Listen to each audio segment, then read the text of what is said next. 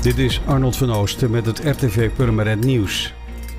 Bewoners van de Singelbuurt in Purmerend willen voorkomen dat de gemeente een aanvraag voor splitsing van Singelbuurt 34 goedkeurt.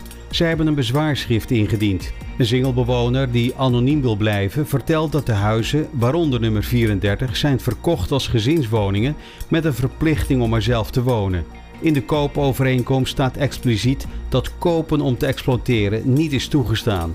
Woordvoerder Bart van Elden van de VVD heeft het college al vragen gesteld.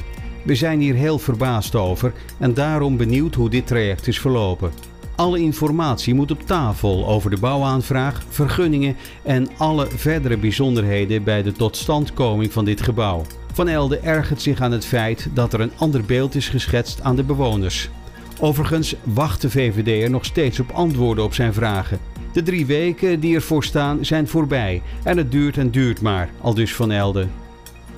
Vanaf volgende week start Staatsbosbeheer met de houtoogst in het Purmerbos. De werkzaamheden zullen een maand duren en voornamelijk plaatsvinden aan de noordkant van het bos tegen de Purmerenderweg. Naast het verdunnen van het bos om bomen meer de ruimte te geven, zullen er ook nieuwe bomen geplant worden op de opengekomen plekken. De werkzaamheden aan het bos kunnen belemmeringen veroorzaken, omdat er tijdens de uitvoering diverse wandel-, ruiter- en fietspaden tijdelijk niet of minder goed bereikbaar zijn. Nadat de werkzaamheden zijn afgerond, worden de paden zo snel mogelijk weer in orde gemaakt.